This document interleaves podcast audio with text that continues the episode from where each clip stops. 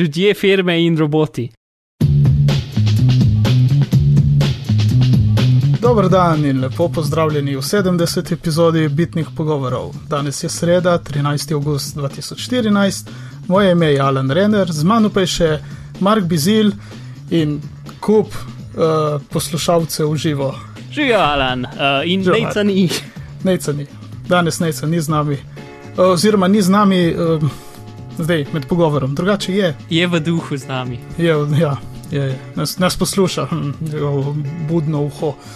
To in zdaj um, pozdravljena tudi na videzna teoretična poslušalka Sabina. Um, zdaj pa, Najprej nekaj nadaljevanj. jaz sem čez dve mali stvari. Um, eno je to, da je prišla v iOS beta 5, so dejansko izklopili. Um, Ker smo ene par epizod, na- se mi zdi, ene par epizod nazaj poročali o iOS um, hackanju, uh, so v bistvu so izklopili dostop do tega sistema za zajemanje paketov, torej podatkov, uh -huh. ki grejo čez telefon prek WiFi-ja, torej brežično. Pač če, zmeram, če imaš proviz, um, pač te svoje ključe od telefona, če ga vštekaš v, v kabel, še Ja. zmeram se dela, pač še zmeram dela, tudi če nisi programer, mislim, razvijalec.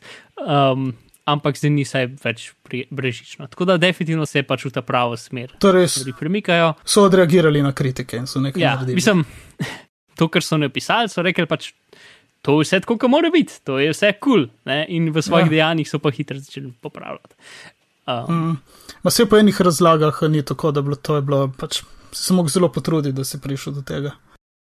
Kot smo Ja. tudi že govorili. Prav. Mislim pač, um, ko je to ratalo javno, ker je bilo v bistvu dejansko že lansko let, so hitro uh, pač tri ali štiri pač te glavne um, programi, za, ki, ki, so pač, ki jih lahko kdorkoli kupi, ampak so načeloma namenjeni za um, pač policijo in razne ustanove, zato da pač lahko dobijo podatke iz uh, telefonov, ne? so pač na hiter update ali pač uh, to, da lahko na ta način pač dobijo podatke. Tako da to ni nekaj, kar je samo teoretično, ampak lahko zdaj le greš kupiti program, ki, ki ti to naredi. Ne? Ja, ja. Sem videl enkrat si menda tweetno nekaj o tem. Ja, to, uh, ta druga stvar je pa čisto za, ne vem, kot zanimivost, ki mogoče to koga zanima, kako mi streamamo zadeve, zdaj evo, drug teden smo že vse spremenili. Je trajalo kratko. ja, sej. Uh, prej smo imeli Mixler, ki je pač storitev, spletna stran, streamanje in je za ston dobiš eno uro naenkrat časa in pač tak lep programček imajo in vse je fajn.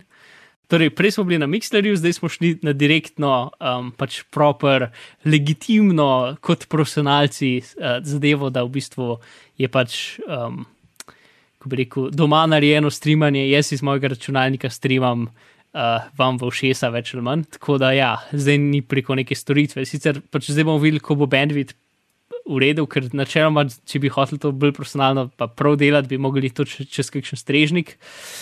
Um, in če bo bandwidth oziroma karkoli problem, bomo tudi to naredili, ampak se zdaj direktno, vsaj zdaj še nič testno. Tako da ja, uporabljamo Nicecast, ki je Mac verzija Icecasta, ki je aplikacija in to je nekako to. Tako da če slučajno koga zanima, kako mi strinjamo zadeve, zdaj veste. Ja, pa uh, zdaj se player sam posodobi, če začnemo, končamo, če izpade internet za nekaj časa, če recimo priješ na stran, ki smo že, ali pa če začnemo šele kasneje, ko priješ na stran, se vse začne samo od sebe delati, kar je super. Pa dela tudi Je. na iPhonu, kar ne vem, če prej delal ali ni, ampak zdaj dela. E, in smo, nismo omejeni na eno uro. In to. Haha, Ha. Tako da zdaj bomo, bomo zabluzili dolgo v noč. ja, ta Sploh epizoda glede na tem- daljša. Ja, glede na tematiko, ja, kaj bitcoini. Ja, a ja, še, ena stvar, preden gremo v te glavno temo. Uh, pač v zadnjih dveh tednih um, pa se še dogaja, so bile dve hekerske konference, ki, o katerih jaz ponovno poročam čez poletje, Defcon pa Black Hat in se je zgodilo en kup kulskih stvari en kup dokaj grozljivih stvari. Um, in bomo o njih poročali naslednjič. Ok, prav. Ker to epizodo smo končno uh, rezervirali za bitcoine, kot smo povedali v uvodu, prej, pred začetkom oddaje, ko, uh, kaj Mark si rekel, da že pred, uh, pred podcastom si ti hotel o bitcoinih, kaj. Ja, to, mislim, definitivno je bilo to na, na, na listi tem, preden so bitni pogovori sploh obstajali. In potem smo nekako pač premikali, premikali, pa smo rekli, ok, bomo čez par tednov, pa bomo čez par tednov. In pol letos maja sem jaz rekel, bum, zdaj pa treba. Od takrat je še tudi minilo par mesecev. Um, No, dokler nismo prišli do, tega, do te epizode in zdaj smo tukaj. Ja, veš, le se spremembe se počasi uh, odrolajo. No. Oziroma, te. Ja, zdaj, uh, kaj zvem, to je ena taka zanimiva tema. Jaz jo malo, kako bi rekel, se malo bojim iz dveh, iz dveh razlogov. Prvič, ker gre za denar in uh, jaz imam en tak. Eh, ne le strahu spoštovanja, ampak neko, kako bi opisal eno tako fundamentalno nerazumevanje denarja. Zdaj, mogoče si misliš, kaj je to denar, se vsakdo ve, kaj je denar, ampak. Uh, Ja, meni se zdi, da ga ne štekam, ga ne štekam celo življenje, ne vem, če ga bo kdaj, kdaj zares štekal. In ko se to poveže še z Bitcoinom, z nekimi biti in številkami in znaki in eh, kaj se dogaja okoli tega. Je, wow. Tako da, Mark, upam, da bomo uspeli, bova ali boš ti uspel uh, malo razjasniti stvari. Disclaimer oziroma um, opozorilo. Uh, ker je Bitcoin tako čuden, mislim, je ob enem tehnologija in ob drugem tudi tako čuden finančni inštrument, recimo, uh, se počutim, da bi lahko biti neko pozorilo prej, tako da um, uh, vsi te, vse nadaljne informacije so zgolj za uh, namene zabave in niso uh, namenjene kot finančno priporočilo ali karkoli podobnega. Jaz imam tudi konflikt interesov, v smislu, da se jaz lastim Bitcoin, ampak ne resno, pač mene dejansko veliko, veliko bolj zanima kulska tehnologija za tem, kot eh, neke finančne zadeve, ker še enkrat, pač jaz nisem tista oseba, ki bi lahko karkoli pametnega o tem razlagal, čeprav spremljam to že kot tri leta in recimo, da nekaj vem, ampak še zmeram ne se obračati name za to, ker resno to ni dobra ideja. Pred uporabo Bitcoina se prosim posvetujte z lokalnim futuristom.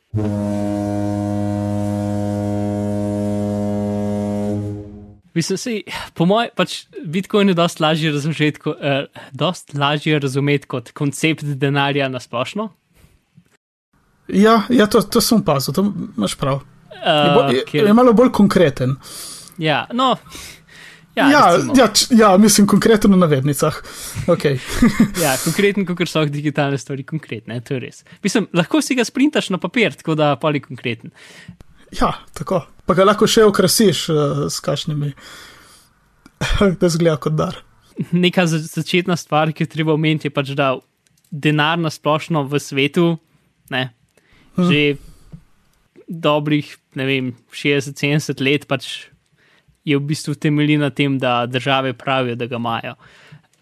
Um, Ja, pač, je uno... Včasih je bil na, na podlagi zlata ali pač, pač zadev, zdaj pa v bistvu pač tisto, kar, tist, kar, um, tist, kar da denarju vrednost, je, je sama, kako bi rekel, um, mogočnost države ne, ali pa ekonomije tega pač tistega področja. Ne. Tako da, pač, mm. kar pravimo, se pač Bitcoin je tudi nekaj, kar je totalno, um, totalno virtualno ne. in zato tudi pač nima neke notranje vrednosti, ne. ampak pač denar je tudi nima, ampak lahko kot Bitcoin ima pač, kako bi rekel, bolj. Um, ne teoretično, ampak um, neoprijemljivo, pač neko samo vrednost, lahko madnar, pač bolj neoprijemljivo, ne neoprijemljivo, ampak pač ni direktno povezana z nekimi zadevami. Ne? Ja, no pa kje, iz kje izhaja vrednost bitcoina, tiste številke tistih znakov. Se mi zdi najbolj, da začnemo pri začetku, pa bomo do tega prišli. Ok, torej, pač začnemo z izumom Bitcoina. Uh, torej, enkrat 2009, ne če točno ker dan, se je na internetu na neki mailing listi pojavil, um, pojavila bela knjiga oziroma white paper, ki je devet strani dolg in vsebuje pač, um, te, pač kako Bitcoin uh, ideja dela. Ne? Ja, to je en tak kratek PDF dejansko. Ja, mislim, lahko si ga, ne, ne, ne. je v zapiskih, devet Ja. strani dolg, manj kup grafov in je razumljiv. Ja. Presenetljivo. Uh, mislim, so deli, ki so bolj matematični, ki pač matematično dokazujejo nekatere zadeve, ampak večinoma je zelo brljiv. Njegov avtor je Satoshi Nakamoto, to je nadimek za eno osebo ali več oseb, noben ne ve, pač avtor je anonimen. Uh, zdaj, zelo veliko ljudi se, se zelo obremenjuje s tem, zakaj je avtor, zakaj, kdo je avtor, zakaj je anonimen itd. Ne? Jaz se načeloma ne obremenjujem s tem, ker pač ne vemo, verjetno ne bomo nikoli vedeli, in na, na vsem takem pač v bistvu ni pomembno. Tisto, kar je pomembno, je ideja. To so korizbe v, eh, v, v jamah, oziroma stari objekti, stare, stara umetnost, ko ne poznamo avtorja. In je še zmeraj lepo. No, sej, ampak tudi s tem, ker pač ni ideja Saj, vezana na, na avtorja, je v bistvu, Tako. po mojem mnenju, dosti bolj prosta, ker pač Ja, je decentralizirana, že ja. sama ideja. Tudi nekaj tasga. Ja. No, in pač ta stvar je živela nekaj cajt kot mailing lista, pol je bil forum, in pol okoli 2010, dva, ja, pozno 2010 je pač ta osnovni avtor zginil. Pač do takrat je pač on je napisal prvi referenčni klient, um, pač sodeloval z, mislim, oni, recimo temu, kar je lahko moški, ženska ali več oseb, uh, so sodelovali z. Um, pač z drugimi ljudmi napisali pač ta referenčnik, bla, bla, bla, v glavnem, in potem so enkrat zginili. V glavnem. Zdaj, kar imamo od takrat, je pač je ta bela knjiga uh, in sam pač referenčni klient. Torej, to je to. Ne? Potem pač kar Bitcoin je v najkrajšem povedano, pač kot izu. Torej, to sta dve stvari. Eno imaš valuto, in drugo imaš samo tehnologijo, na kateri ta valuta dela izumu se reče Bitcoin z malim bojom, in, in valuti se reče Bitcoin z velikim bojom. Pač v Bitcoinu je zelo veliko stvari, ki imajo zmedljiva imena. Uh, sploh firme, ki so rastle na tem, ki imajo ista imena kot deli tehnologije, kar je sploh zmedljivo.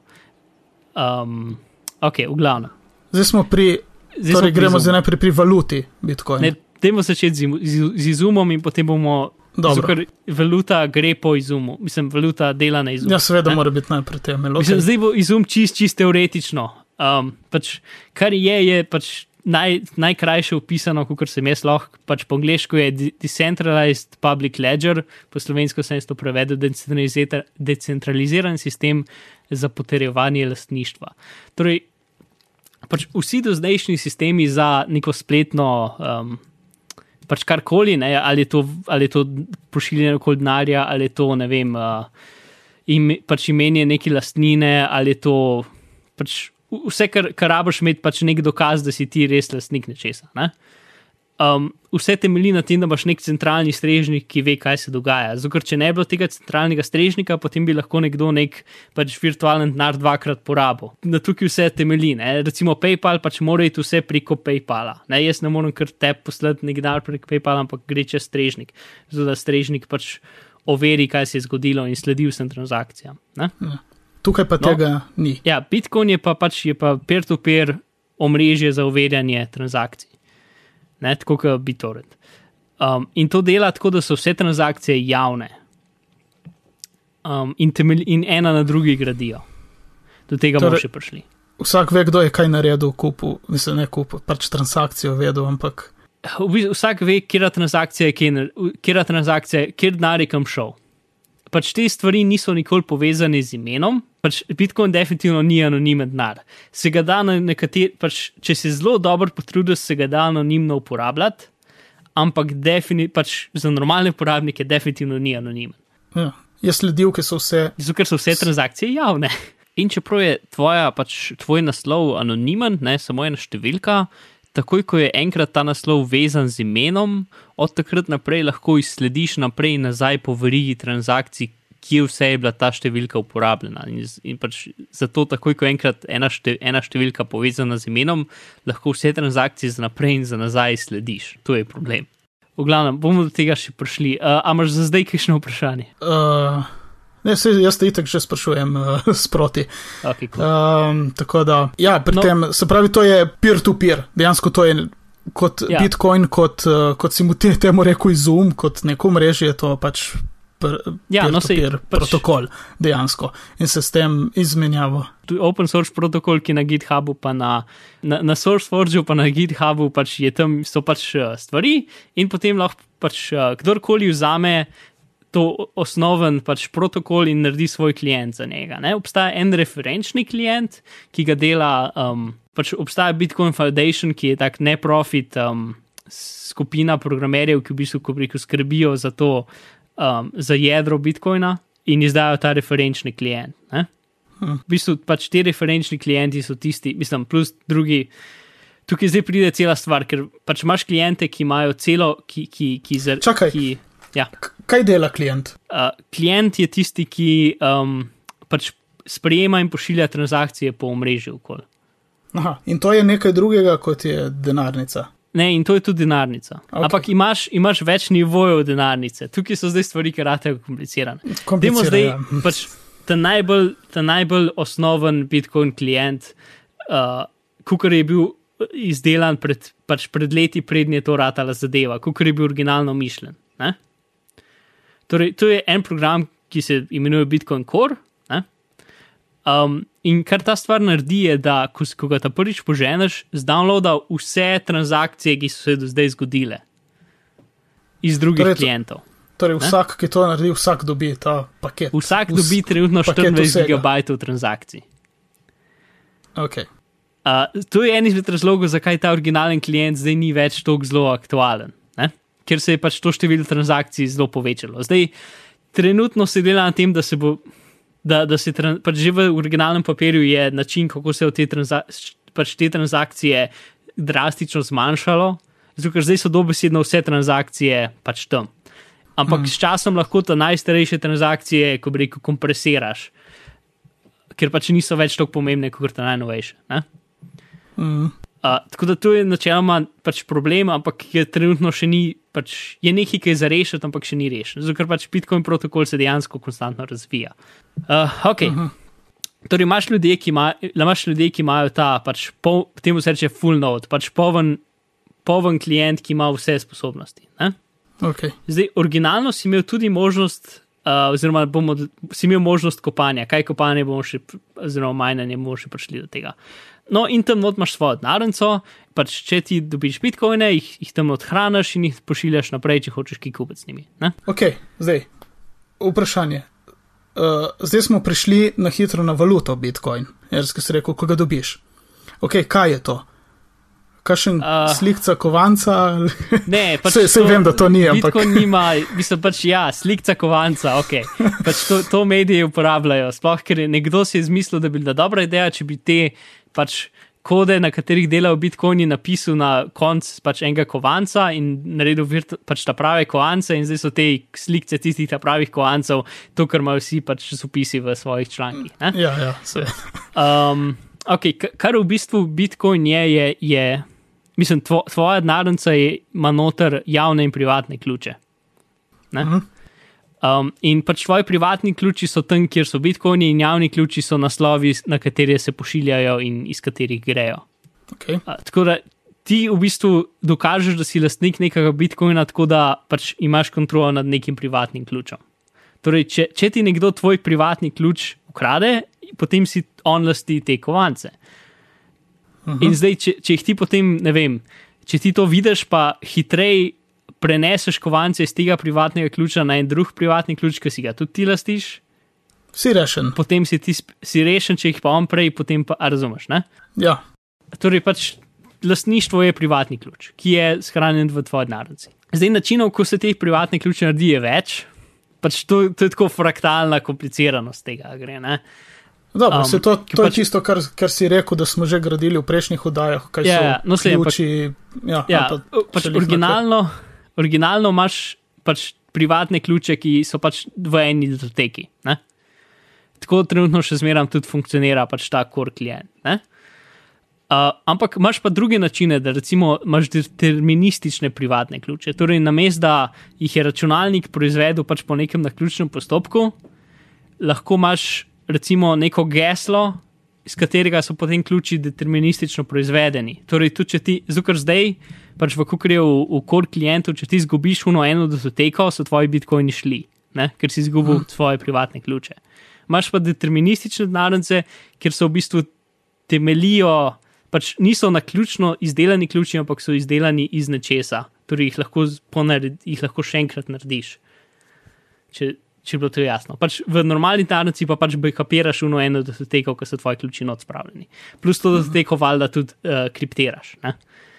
Uh, to ja. že klient samo se podpira. Tako da tudi, pač, če nima nekdo ključa za dekriptiranje datoteke, pač ne more nad njo. Torej, v, v sami denarnici ni nekih, ne vem, kod, ki bi predstavljali.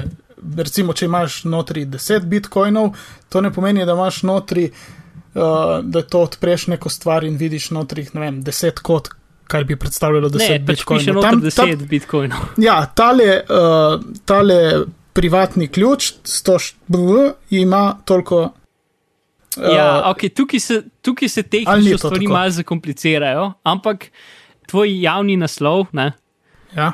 Uh, tu je pač 256-bitni ključ uh, in je pač, se mi zdi, 16 na ključnih znakov. Ne?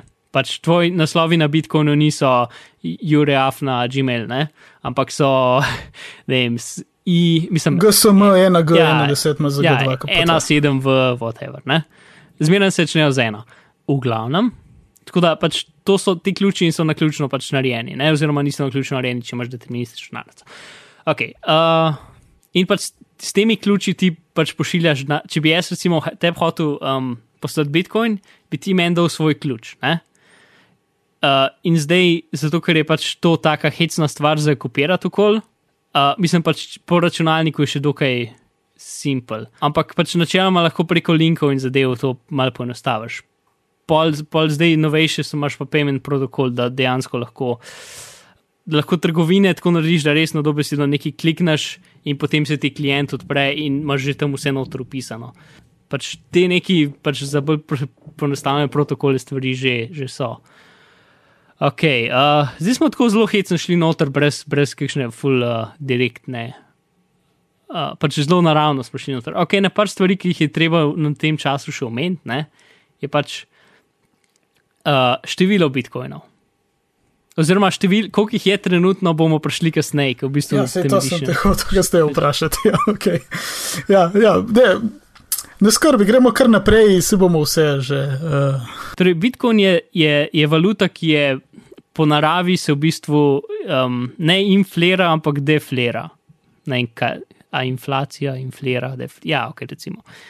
Uh, Uh, torej, število je omejeno ja. in zato, če ima več uporabnikov, ima naravno večjo vrednost. Mislim pač, mm. vrednost je totalno prosti trg. Ne? Ampak po neki pač logiki, več uporabnikov, večjo vrednost ima, zato je omejeno število. In zato, v bistvu, kot pri večino stvareh, ki smo navajeni, da imaš bit, megabit, kilobit, itd., ne, se Bitcoin gleda v ta drugo smer. En, en Bitcoin, en kovanec je razdelil na 8 decimal. Ne. Ti v bistvu ja. v, pač, to enko, en Bitcoin je skoraj za odmisliti. Ti v bistvu pač normalno operiraš v mili Bitcoinih, ne. torej 0,001. Ja. In to, to je še ena izmed tunih stvari, zakaj je rahlo zmedljivo za ljudi. Ne? Ja, v bistvu um, en sam Bitcoin ima. Pač... Ima trenutno vrednost, uh, kaj okoli 400 evrov. Ne? Ja, tako da moraš, da ti dam en Bitcoin. ja, ja ne, ampak sej, pač to tudi ljudje, to ljudje mislijo, da pač lahko kupaš samo en, pač da, da, to raz, da je to razdeljivo na ena, ne? ni, je razdeljivo na 8 decimalk. Tako da ti komot lahko nekomu pošlješ desetinko enega centa. Mm. Tako da pač zato dosta ljudi pač na mestu, da govorijo o bitcoinih, premaknejo decimalko na tri, na tri stvari nazaj in govorijo o mili bitcoinih ali pa kar pač nekako zdaj uhaja to bit. Ne? Pač en bit je 0,4 evra, ne? kar je mm. dosti bližji, kot kar um, pač jaz sem kupil zadevo za nič cela nič nič tri Bitcoina. Ja, ja, ja, bolj človeško. Uh, da rečeš, da si kupil nekaj za 40 bitov. Kaj pa tisto ime Satoshi se uporablja to v živo? Ali to uh, samo. To je okay. bil to samo predlog, da bi se te manjše enote tako imenovali. Ta najmanjša enota, torej ta osma decimalka, osma ničla, uh, uh -huh. tisti je Satoshi. Pač načeloma se tako male zadeve ne pošilja okol, zato pač ni, nima, temu se reče prah. Pač vse, kar je pod, ne vem, desetinke centa tem transakcijam se reče prah, ker so tam pač bolj sam zato, da smetijo omrežje, kot kaj drugega. Čakaj, kaj? Pač nimajo neke posebne vrednosti. Torej, en bitcoin bi bil Uh, ne, en, uh, ja, en bitcoin bi bil milijon satošijev, ne, 100 milijonov. Ja, Je? verjetno. Številke. Lepo. Številke. Moramo pogledati v vert. Bitcoinov bo največ, pač v vsem času jih bo 21 milijonov. Ne? To je pač število. Um, Bitcoini se v bistvu, pač trenutno smo še v, v času rasti, zato da omrežje nekako naravno raste, skupaj s tem, koliko uporabnikov ga uporablja, je pač Satoshi si izmislil to stvar, da je sama um, zaloga, koliko je Bitcoinov razpolago, raste, ko bi rekel, skupaj z omrežjem. Ne?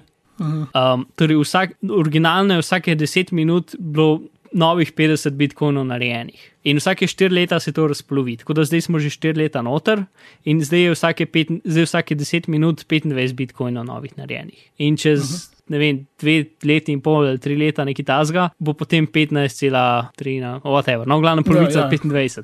Ja, uh, itd. Ne? Tako da v bistvu počasi pada, v bistvu ne počasi, hitro pada, koliko se jih. Tako da dos, teoretično do, 100, š- do leta 1140 bojo vsi, Ej. takrat bojo vsi bitcoini narejeni. Ne, To matematično ne bomo prišli nikoli do konca. Veš, vedno ne na polovica, matematično ne polovica. bomo nikoli prišli do konca, ampak takrat Ja. ja. bojo več ali manj vsi. Ne? Ja, ja, ampak Um, v praksi da- bo konec. Ja, s tem, da v bistvu bo verjetno dosti hitreje zaradi razlogov, ki bomo še prišli do njih. Ja, pa kaj pa potem, ko mm. pač ok, so, je vseh 21 milijonov bitcoinov danih Ja, in, in potem, in pol se samo to, ja, so same transakcije naprej in nazaj. ja. In je vedno.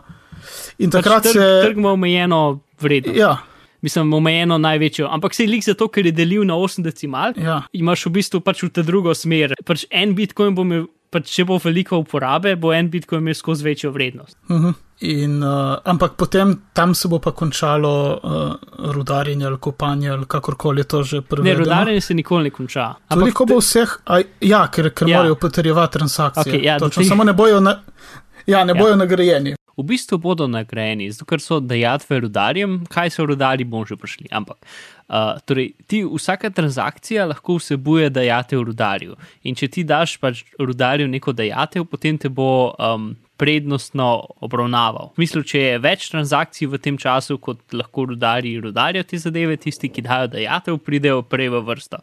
Tisti, ki ne dajo dajatve, morajo počakati. In ta, koliko je ta transakcija trenutno uh, visoka, nekak sistem sam pogrunta in je zelo mehna. Pač v, če pošlješ, recimo, vem, 1000 evrov, je transakcija nekaj centov. Uh, tako da ni panike, kar se tiče te transakcije. Lahko jo tudi ne dodaš, ampak potem pač moraš malo dlje časa čakati v vrsti. In uh, ko bo enkrat konc uh, pač novih bitcoinov v omrežju, bo potem rudari plačani samo s temi transakcijami. Ker bo, če bo pač to omrežje enkrat bolj zaživelo, bo dejansko pač ne vem, trenutno od transakcij dobijo pač recimo dva bitcoina. Um, potem, kasneje jih bojo pa dobili, ne vem, pač skozi več in več. Tako da ideja je v tem, da bo, če bo enkrat omrežje zelo veliko, da se bo potem lahko s tem preživljalo. Ja, Okay, zdaj čistko od, pač od te ekonomiji. Ne? ja, to čudo sveta. Ja, sej pač tukaj je Wild West. Ne? Pač zdaj, pač ta stvar zdaj ratuje počas na, na zemljevidu pač kakšne države in bi to pač. A veš, to je internetni protokol. Ne? Zdaj, mm. to, to pač, da bi države pač to nekaj zakon, pač delale zakoni s tem, je mal, pač zelo je tuje. Ne? To je prvič, ko se je nekaj tazga zgodil in je pač trenutno ne vejo, kaj narediti. Ne? Ja, se niso še pogruntali, kaj bi. Tako da, mislim, vsi so, v bistvu so kar dosti. Recimo, pač v Sloveniji je Bitcoin je tako kot recimo zlato, ali pa pač ni valuta, ampak je bolj lastnina. Zato, ker uh -huh. pač Bitcoin ima spet to čudno vrednost, da je lahko uporaben kot valuta, ampak lahko je tudi kot, ne vem, zlato, v smislu, da imaš pač nekaj, ki pač. Uh, Mhm. um, in v bistvu pač davke plačuješ točno tako, kot če bi imel recimo zlato, pa ga bi prodajal, pa kupo. Ne, um, uh -huh. ne vem dosto o tem. Uh, to, ampak spet zelo je težko pač to neki full. Um, a veš, tudi če, tudi če bi bilo absolutno 100% prepovedano, bi pač omrežje še zmeraj delalo. Ne? In sam fullball bi bilo težko pač. Uh, Dobiti denar notri in izven tega omrežja. Uh, kar pač lahko zdaj gremo do tega, pač cena bitcoina in vse to je pač. Ti imaš en bitcoin, jaz ti rečem, jaz bi rad kupil bitcoin. In ti meni rečeš, ok, jaz bi rad to pa to gnarje za njega in jaz ti dam ali ne dam ta denar. ne? Mhm. preprosto. Um, mislim, pač zelo, ja, no, pač čisti prosti trg je ne? in zato je cena zelo kaotična. Mm, Ja, pa kdo je, Ja. kdo ali kaj je tisti, ki reče, hočem toliko? Ljudje, Ja. firme in roboti. Ja, Uh, predvsem roboti, verjetno. je dosti robotov. In, um, in zdaj pač za, za to, da se pač ta cen, mislim, imaš več načinov. Pač to je ali med ljudmi, ne, ali pa imaš pač te menjalnice, čeprav so bolj, delujejo bolj kot borze, zato ker pač to je spletna stran, ki pač najde kupca in, in prodajalca na internetu. Ne? Hm. Torej, ti na spletno stran rečeš, jaz bi rad prodal za ne vem, to ceno, in nekdo pač jaz bi rad kupil s to ceno, in če se ujema ta, gre transakcija čez. Ne? Mhm.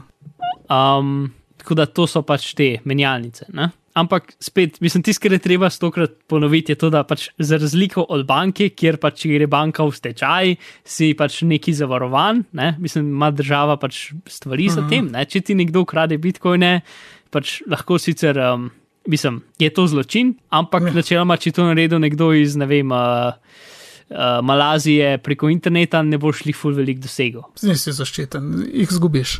Ja, uh, tako da pač tukaj je vsa varnost, pač varovanje bitcoinov na tvojih uh, nogah, kolenih, ramenih, whatever. Ja, Um, v tvojih rokah. rokah, to tudi, ja. Uh, uh, prevajanje angliških metafor slovenske, to je zabavno. Pridejo pač, druge okončine vmes. E, vidiš, zato je ta moja dolgoletna um, obsedenost z gesli in zadevami za, za hranjenje gesel in večfaktorsko autentikacijo, ker pa če vidiš Bitcoin stran, ki nima večfaktorske autentikacije, pa rajš pet stran, ker pač ne vejo, kaj delajo, ker tukaj, tukaj je pač res ta najvišji nivo, pač rabiš imeti vsa gesla pravilno shranjena in samo biti različna, plus moraš imeti dvofaktorsko autentikacijo, ker pač samo uno ni dost, ker je to pač neka um, vrednost ima to, ne, so hekeri zelo motivirani, da uh, pač pridejo do tega. Mhm. Tako da pač lahko imaš na računalniku, ampak pač moraš zagotoviti, pač ti, ti skrbi za varnost. No? In če enkrat Mhm. zgubiš svoje privatne ključe, si jih skupaj, ni več. Ne? Tako recimo ena, Mhm. en človek, ki je bil pač zgodni, zgodni rodar in je pač nakopal, ne vem, 10 ti- ali 100 tisoč bitcoinov, nekaj tasga. Ja. In potem jih je pač dal na ključ, ker takrat je bila njihova vrednost tako 6 centov, jih je dal na en disk, in pol je enkrat pač to je bilo tam na neki gori diskov, in je pač enkrat tune vse stare diske stran vrgel. In potem pred kakšnim letom, ki je šla cena na pač zelo velik, je ugotovil, da, da, je, da je pač teoretični milijonar. Ne? In potem je šel najdete, ki najverjetneje na, na lokalnem smetišču bi bil ta disk odložen, in potem ga je šel razkopavati. Um, in se mi zdi, da ni nikoli najdel ga diska, ampak ja, tako šel je razkopavati eno celo. Ja, to je.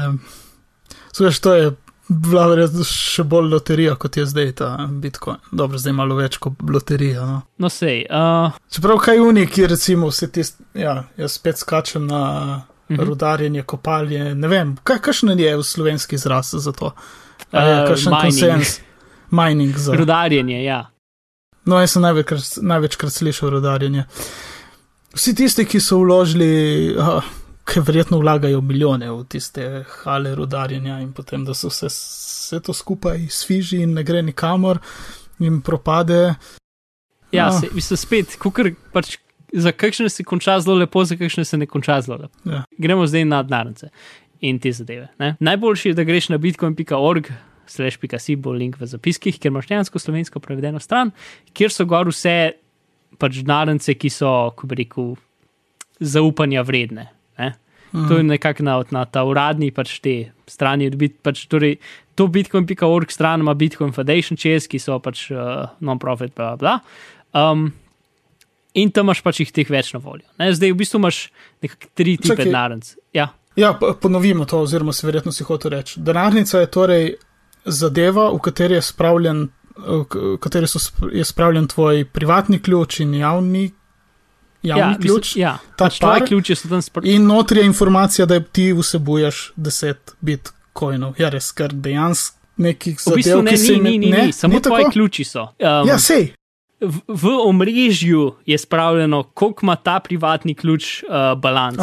No, tako, ja. Ne, to je v omrežju, to je plava po internetu. Mislim, in če imaš pon klient, je tudi na tvojem računalniku. To je tisto, ki se vedno vračamo na rudarjenje, tam notri je res to izmenjuje. Ja, okay, ja, kar no bomo še prišli in kar povedali, okay, ampak je vse tako povezano, da. To je res. Ok, denarnice.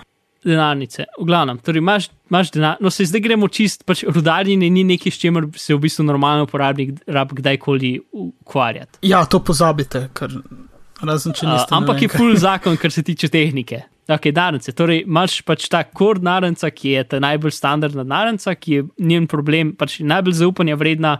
Njen problem je to, da downloadaš 24 GB podatkov in jih rabi, da dela. Zdaj, prej je slevo prišla ven še ena uradna denarnica, mislim, uradna, v rekovajih denarnica, ki bo. Um, pač zdaj v bistvu upgradejo sistem, da bo, pač, da, bo, da bo uradno podpirali tudi te zdajšnje. Zdajšnje denarnice bojo, kako rekel, arhivske denarnice, ki bo imeli dejansko vse podatke, in potem bojo pač bolj normalne denarnice za normalne ljudi, ki bojo, um, ki bojo samo jemale tisto, kar rabijo. Mhm. To je ta, potem, če hočeš potem en upgrade te normalne denarnice, ki je taka uporabniku prijazna in neumna, imaš potem armory denarnico. Armory denarnica je samo, ko bi rekel, bolj profi na dostop do bitcoinov. In pač tam imaš noter več pač kontrole nad. Um, na, pač ker v normalni denarnici imaš sprejmi pošli, to je vse, kar imaš. Ne? Tam imaš pa več možnosti, da delaš bolj kompleksne backupe, da si recimo nariš backup, ki ga sprintaš na kos papirja. In potem lahko zbrišeš dol iz računalnika, daš tako z papirja v sef, in ko hočeš priti do bitcoinov, pač natipkaš to, kar si imel na papirju, in ti ponaredi denarnico nazaj. Ne? V bistvu ti tvoje mm. privatne ključe ti pač spravi na papir. Mm. Pač to ti lepo da v QR kod, tako da pa sem slikaš. Ja, Um, sej, ki, Mislim pa tudi pač napišeš zraven, valjda. ja, lahko to- pa si mazohist, pa tipkaš. Ja, ampak mislim, še zmeraj je tudi napisano. Um, to in pol imaš še une bolj kompleksne stvari, recimo, da je to neka pač dejansko vredna enot, enota denarja. Um, lahko imaš pač denarnice, kjer ti sprintaš tri ko, ali pa recimo štiri kose papirja. In potem rabiš vsaj tri, zato da lahko obnoviš nazaj svojo originalno denarnico. Torej, uh -huh. sprintaš štiri kosi papirja, daš enega, ne vem, stricu, enega v sef, enega v banko, mislim v varno, whatever, Ja, ja, sef, gostovanje, bančni, ne, bančni sef. sef ja, enega imaš ti doma, ne, in potem rabiš tri od štirih, zato da lahko prideš nazaj do svojih kovancev. Tako da to, to je nekako ta najbolj varen način za, za hranjenje kovancev. Mhm. Um, ali pa lahko imaš tri od petih, pač to lahko čizno štimaš. Ne? Um, tako da to ti vse armori omogoča, da delaš pač te bolj kompleksne denarnice. ne. Ali pa, recimo, če si firma, ne, imaš lahko način, da imaš pač deljene ključe, da zato da lahko firma pač z, z nekim bitcoin računom dela, rabi imeti podpise, recimo temu, ali pa overjanje od več kot ene osebe. Aha. A veš, da ni, ni ena oseba, ki ima česa denar, ampak rabi imeti, pač, eh, mora biti transakcija overjena od več ljudi. Ne? Pač Mhm. Vse te stvari so, so tukaj mogoče. In vse to pač z enim Ja. programom na računalniku ne gre nič čez noč, ne? um, na normalnem omrežju. Kaj pa pri teh lokalnih denarnicah? Prej si rekel, kot prejš denarnico na downloada dol tisti blok 25 mm -hmm. gig ali koliko že Ja. ja. zadev. To dejansko ta, tak ta blok se spremenja non-stop, ker so. Jaz, vsakič, ko odpreš, se update. Ne? Ja, uh, ma kaj, update samo razliko ali Ja, poberejo ja, ja. Ja, okay. Mislim, lahko tudi, lahko tudi v bistvu downloadaš torrent, tako ti si dosti hitreje. Lahko downloadaš torrent, ki gre, ne vem, do enega tedna nazaj, ga spraviš mm. v uno mapo, kjer imaš narenco in potem samo mm. update razliko. Ker pač, um, torej to se poveže direktno v Bitcoin omrežje in potem iz omrežja stvari dobi dol. Ne? In tecet, Ja. ko imaš ti, ti, ti narenco odprto, to ta, ta core narenco, ne? V bistvu grejo transakcije čez tvoj računalnik, ker si pač del ta pravega tega omrežja. Um, Pomaž pa bolj lightweight narence, kot jaz načeloma, če bi imel narence, ki na računalniku bi imel to ta pravo, ko ne lightweight je pol že čisto isto, nekako, če imaš spletne narence. Pač lightweight so pa take, ki, se, ki so sicer na računalniku, ampak se povežejo s strežnikom in jih potem zunga strežnika v bistvu dobijo tiste podatke, ki jih rabijo. Mhm. Um, Torej, ok. v bistvu za lokalne denarnice ti moraš imeti vem, 30 giga placa rezerviranega samo za to. Ja, zdaj s, ča, pač časom naslednja poso, pač, če, posodobitve Bitcoin omrežja so zelo počasne. ne. Mhm. Zato ker je pač nekaj, kar mora delati. Ne? In zato je ena posodobitev vsake, ne vem, pet mesecev, um, in se zelo male stvari spremenjajo. Ne? Tako da pač prejšnji so dal nek pač payment protokol, ker ne bomo šli zdaj, kaj to je, ampak pač nekaj, da, da so lažji.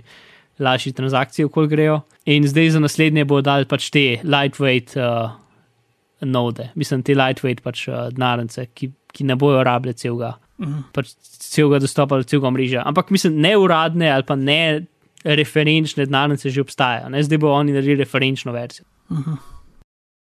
Pač to je to v, v open source zadevah, ki pač imaš to tažen variant. Ne? Ja.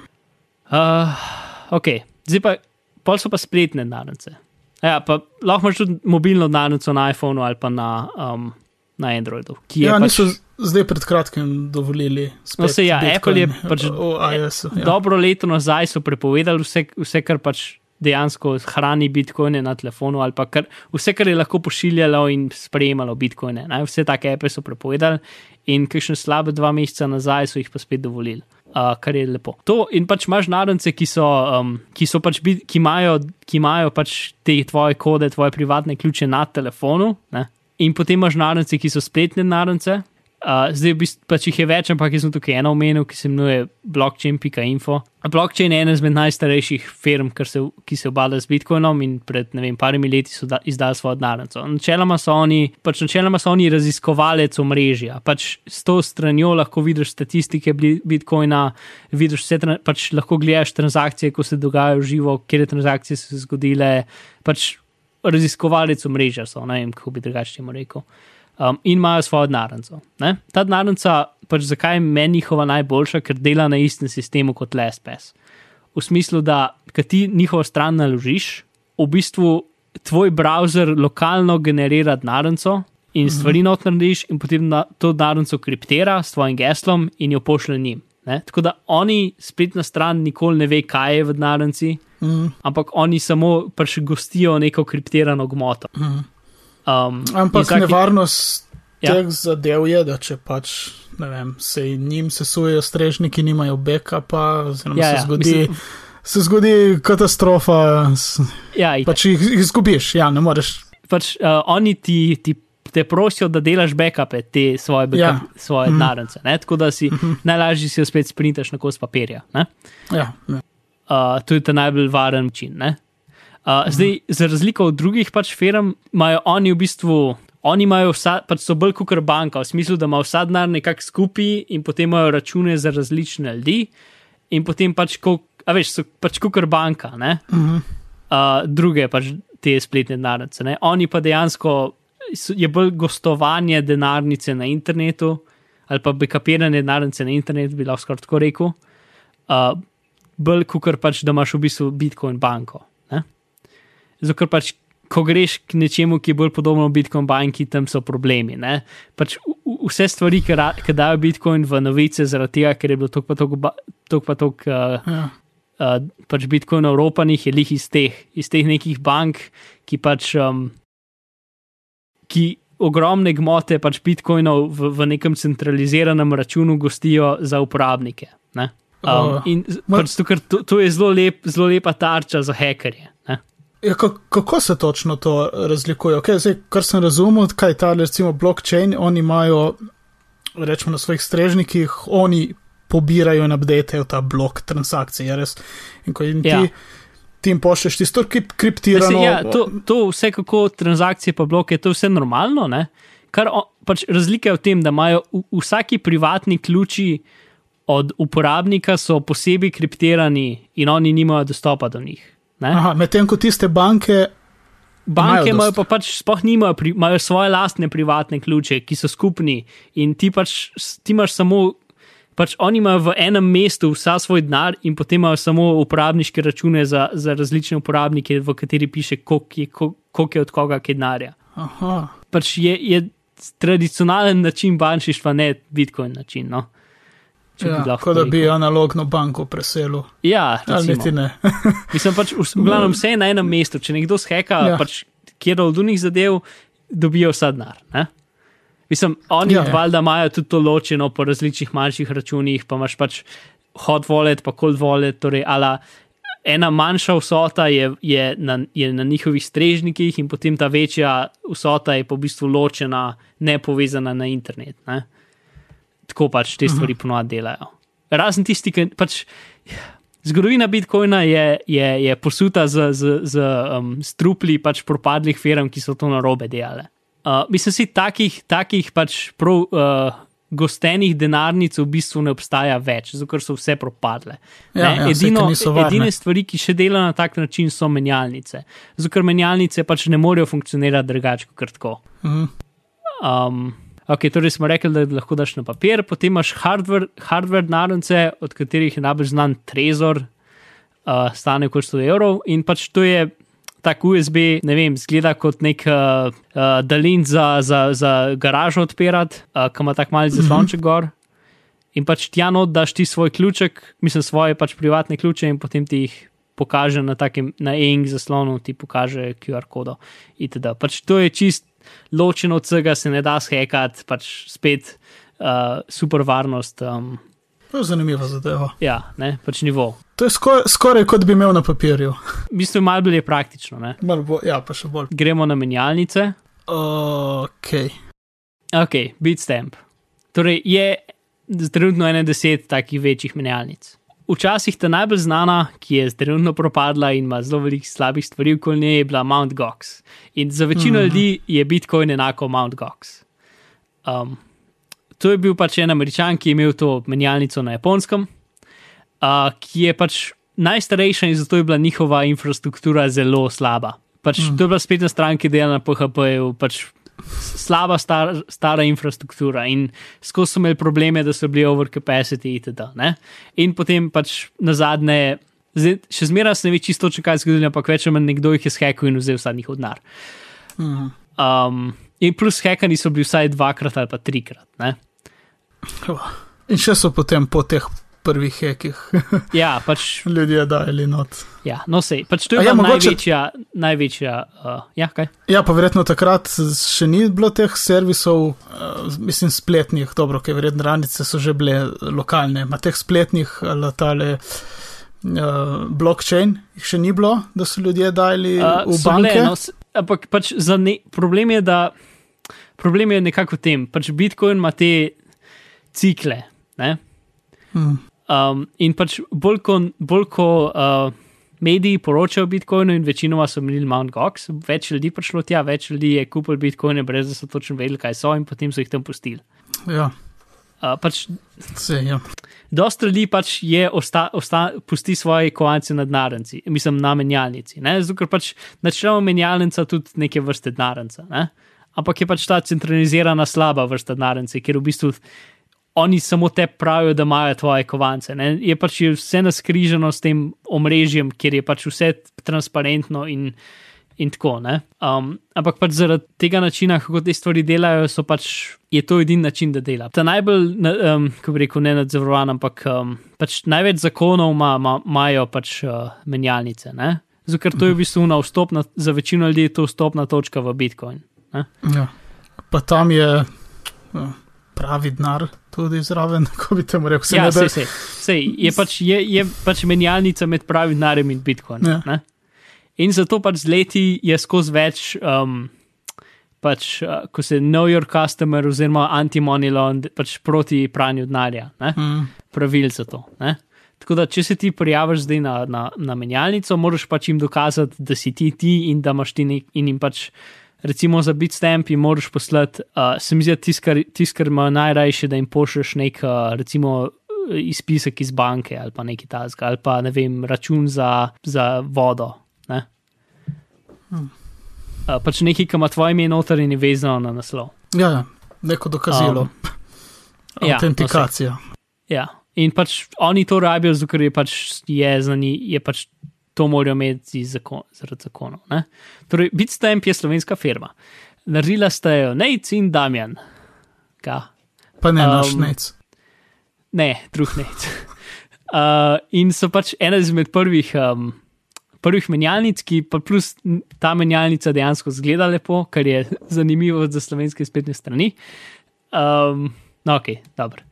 Stare slovenske spletne strani izgledajo na en način, in novejše so zdaj dosti boljše, ker je celo kakšen dizajner vmes. Tako, evo, to, tako je treba. Um, v glavnem, no, in pač plus so, so pač imeli čez evropsko, um, evropsko pač ta SEPA sistem, neko, kar ga Mount Gox ni imel. Uh, itd. in so pač trenutno so na prvem ali pa drugem mestu, kar se tiče volumna transakcij, ki gre čez. v bistvu, ali pa med prvih tri, ker zdaj so pač na kitajskem se tudi ratale, pač je rado Bitcoin, dok je popularen, gre full, full volumna tudi tam čez. V glavnem, um, za Slovenijo je pač Bitstamp najbolj primeren, ker če že žužga so slovenska firma, uh, v Kranju so, um, se mi zdi, v Kranju. In pač ti greš tam čez, se uveriš in potem lahko kupuješ, uh, pač tako da jim pošleš položnico. ne. Sicer Mhm. njihova banka je dejansko v Angliji in tudi zaradi spet raznih razlogov so se presel, so registrirani v Angliji, ampak pač sedež in vsi ljudje so v Sloveniji. Čeprav se mi zdi, da imajo neki support ljudi tudi v Angliji, zaradi pač iz logičnih razlogov. Um, Jim je bilo pač bolj ugodno v tujini, kaj se. več- ne, pač Ali, ali zaradi Ja, no, ne- česa. Ja, ne vem, Ne, pač bolj ne zato, ker so pač angliški support je lažje, če delajo angliški. no. To no, se in oni so pač, ko bi rekel, eni izmed najbolj pač. Pro, razen Outfit 7 so verjetno ta drugi najbolj uspešen startup v Sloveniji, za kateri več manj nobeni slišal. Mhm. Pred parimi meseci so od, uh, od neke investment zadeve dobili tako 10 milijonov dolarjev, um, kar je največji investment v slovensko pač tak startup firmo. Sploh. Um, to no, glavno biti stemp. Uh, in pač ti greš tja, lahko pač prodaš bitcoine in potem jih daš ven iz njihove pač menjalnice čim prej, zato ker pač tam niso varni. Sicer bit, pač Bitstamp ima zelo dobro, uh, so na zelo dobrem glasu, v smislu, da še nikoli niso bili skekani. In kot zdaj že tako tri, tri, tri, tri, tri leta, recimo, operirajo, je to, je to zelo dobro. Super. To, uh, zdaj, še lažji način, kako v Sloveniji dobiš bitcoine, je to, da jih gre, greš na bitcoin uh, bankomat in jih kupaš. Super. Uh, to moram enkrat probati. ja, to Ker- je uh, hotel Trezor Čoparja, ču, č, Čopova 38 v Ljubljani, a je šel na glavna cesta, če v centru, ne, nekje na polovici je en tak mali hotel Trezor in noter imajo avtomat in prideš tja, daš noter evre in um, ti da ven papirnasto denarnico ali pa ti pošle na, na pač, če imaš denarnico na telefonu. Oziroma, če imaš spletno denarnico, imaš vse spletne denarnice, imajo aplikacije za telefone. Ne? Mhm. Um, ok, to je to, in če si trgovec, imaš v Sloveniji moj bitcoin.si, kjer ti bo oni ti lahko zrihtajajo integracijo z tvojim postterminalom. Oh, super. Pa, In pa pač jih je še kaj? Ali Ja, tle, pač je ena stran CoinMap, v Sloveniji je približno 50 trgovcev, ki sprejme, ki sprejme bitcoine. Hmm. Sicer tako ene. Polovica od teh je, je pač so spletne trgovine, polovica teh so ta prave trgovine. Pač okoli čopove so tako 3-4 kafiči, kjer, kjer sprejmejo bitcoine, pa ena trgovina za plačili. E, tole, ko so, Mm. recimo, vrednost bitcoina raste zelo uh, kaotično, gre gor in dol. Se spreminja, Čeprav, ja, se spreminja. reči. Čeprav gledam tle na tem bitstampu, je relativno stabilna nekaj časa. Mislim, Okay. to je, če Mest. zelo delč pogledaš, je stabilna, če od blizu pogledaš, se Ja. spremenja za, za 30 evrov gor in dol vsak dan. Mm, S tem, da pač, lej, zdaj, ki je cena okoli pe, uh, 304, jaz zmeram v dolarjih, gledam, ker je Ja. ne vem, večja številka. Ampak, ok, recimo, v evrih. Če je zdaj cena recimo okoli 350 evrov, pa se spremenja za 30 evrov gor in dol, ne, ja. je to dosti bolj kul, cool, kot je bila cena, ne vem, 70 evrov in se je spremenila za 10 evrov gor in dol. Ne. ja. Pač, večji, ki je, večji, ki je volumen, več, ki je pač ljudi, ki to uporabljajo, večji, ki je um, vedro, v katerem pač plava ta, plavajo bitcoini, pač manj se bo voda gibala, če ga mal streseš. Mm. Mm. Sej, to sem mislil vprašati. Pač te kafiči in trgovine, ki prodajajo uh Mhm. -huh. z, za bitcoine kakšne manjše stvari. Uh, Ja. Ne vem, ki pride v. Zdaj ne vem, koliko bi to bilo, ni cela, koliko ničel bitcoinov, ne, Ja. recimo neko vrednost za 2 evra. In, in uh, cena bitcoina niha zelo visoko, kako, kaj, odvisno kateri Ja, ja, trenutek pač, prideš tam noter, Ne, daš. Mislim, ti pač. Ti, ti tako vedno daš v njih ni celih, nič, nič, nič, nič, ne vem koliko bitcoina, ampak Ja, ne, pač tako je, zelo simpel. Um, pač eno, pač to je ta najbolj, kako bi rekel, neoptimalen način, kako uporabljati bitcoine. ne. Pač v Ja, fizičnem svetu za majhne stvari je. No, postopek je tak, se ti lahko povem, kako kupaš pivo z bitcoinom. Um, pač eno, vse cene so pač in bojo še kar nekaj cajta vezane na pač lokalno valuto, ne? mm, in potem pač njihov postterminal gre preveriti ceno. Ne? Uh, in ti to ceno pač izpiše, pokaže ti QR kodo, katero slika s telefonom, v tej QR kodi je njihov naslov, plus koliko je, koliko je pač vrednost nakupa. Torej- In potem se ti to že vse izpolni na telefonu in samo klikneš plačaj, po možnosti PIN kod, no to pišeš in to je to. A torej oni postavijo, ja, ok, potem je bilo ono moje vprašanje, niti ni imelo toliko veze, to je bolj praktično, ja, če ne je. Pač, um, dokler Bitcoin ni totalno zavladal Pač- v svetu, ne, ja. je, je vezano na lokalno valuto. Ja, ja, cena je v evrih in potem preden plačaš, preveri, koliko je vrednost v bitcoinih, je res in tisto daš. Ni da je cena postavljena v bitcoinih, to stane toliko bitcoinov, ampak Ja, ne, toliko Bitcoin evrov. tukaj- Ja. Ja, Bitcoin tukaj ja. uporabljaš samo kot, uh, kot, trans, kot pač uh, sredstvo transakcije. Ne? Ja, na mestu pač- visa kartice, na mestu denarja. Pač, ja, način plačila. ja. Ok, ja, sej, ima smisel, no, vidiš, ker snimam pojma o denarju, mm. pa so taka vprašanja. no, Uh, sej, ampak, hej, verjemi, to je ta prva stvar, ki me večino ljudi vpraša, ko greš kupiti kavo ali pivo z Bitcoinom. Pač, Ja, veš, praktično, da je Bitcoin je tako ezoterična zadeva na nek način. ja, da- ja, itak. in normalno nas zanima praktična uporaba tega, konkretno tisto z vsakdanjimi ja, zadevami. sej, pač na vemo. telefonu imaš narenco. Uh, pač na pošt terminalu ti pokaže QR kode, slikaš, kl- klikneš pošli in to je to. In čez Mhm. tri sekunde bo na terminalu pis pisal, plačilo je izvedeno. Um, Jasno, da je zelo simpel. Joho, jasno. Ok, zdaj, kako pa vse to skupaj dela? Ja, Kako vemo, kdo naredi nekaj, uh, kako cel svet ve, kako tisti, v, kako oni v Kaliforniji ve, da sem uh, kupil pivo v Sloveniji. torej v bistvu sta dva omrežja skoraj. En je tak instanten, kjer se, v bistvu, kjer se pač vse transakcije v živo dogajajo, ne? pač kjer gre iz mojega telefona do tvojega postterminala, ta, pla- to plačilo bo plačano. Ne? Mislim, to, to, to, ta transakcija se je izvedla. ne. Um, in to se pač, to je dokaj instantno in gre pač čez te node, čez te node uh, se pač, če, čez vse te polne, whatever, narence se, se to razširi. Ne? In potem vsake 10 minut se pa pač Bitcoin om- omrežje v bistvu preveri vse transakcije, ki so se zgodile v teh zadnjih 10 minutah. Mhm. Torej, to je rodarjenje. Torej, rodarjenje ima dve, ima dve lastnosti. Eno je, da dela, dela bitcoine, pač dokler, bojo, dokler bojo novi bitcoini še obstajali, ne, še Mhm. v nadaljnih. Dokler jih bo lahko dokler Ja, pač trenutno vsake 10 minut je prva transakcija v tem, reče se blok. V tem bloku je, gre k rudarju in je 25 bitcoinov. In potem so vse, pač v tem bloku so zatem vse druge transakcije, ki so se zgodile v omrežju v teh desetih, v zadnjih desetih minutah. Ne? E, čakaj, da, da je razumljivo. Ti si, si rekel dva omrežja, torej tisto prvo, ki si rekel, ki gleda vse transakcije. To je čist nevidno uporabniku, da sta dva Ja, omrežja. ne, to je- seveda, to govorimo zdaj v magiji, v zadju. Ja. Kaj, tisto omrežje samo spremlja transakcije in pošilja v tisti blok? To mi namreč ni čisto jasno. V omrežju so pač, um, pač moj priva, moj, eh, tvoj javni ključ je podpisal moj privatni ključ in zato so se pač stvari, vse je lastništvo teh bitcoinov um, iz mojega računa uh, šlo na tvojega. Ne? V bistvu se, se nobena transakcija zares ne zgodi, je res, če to, ampak je samo, samo informacija. Lej. Se zgodijo, ampak niso overjene. Ne? Ja.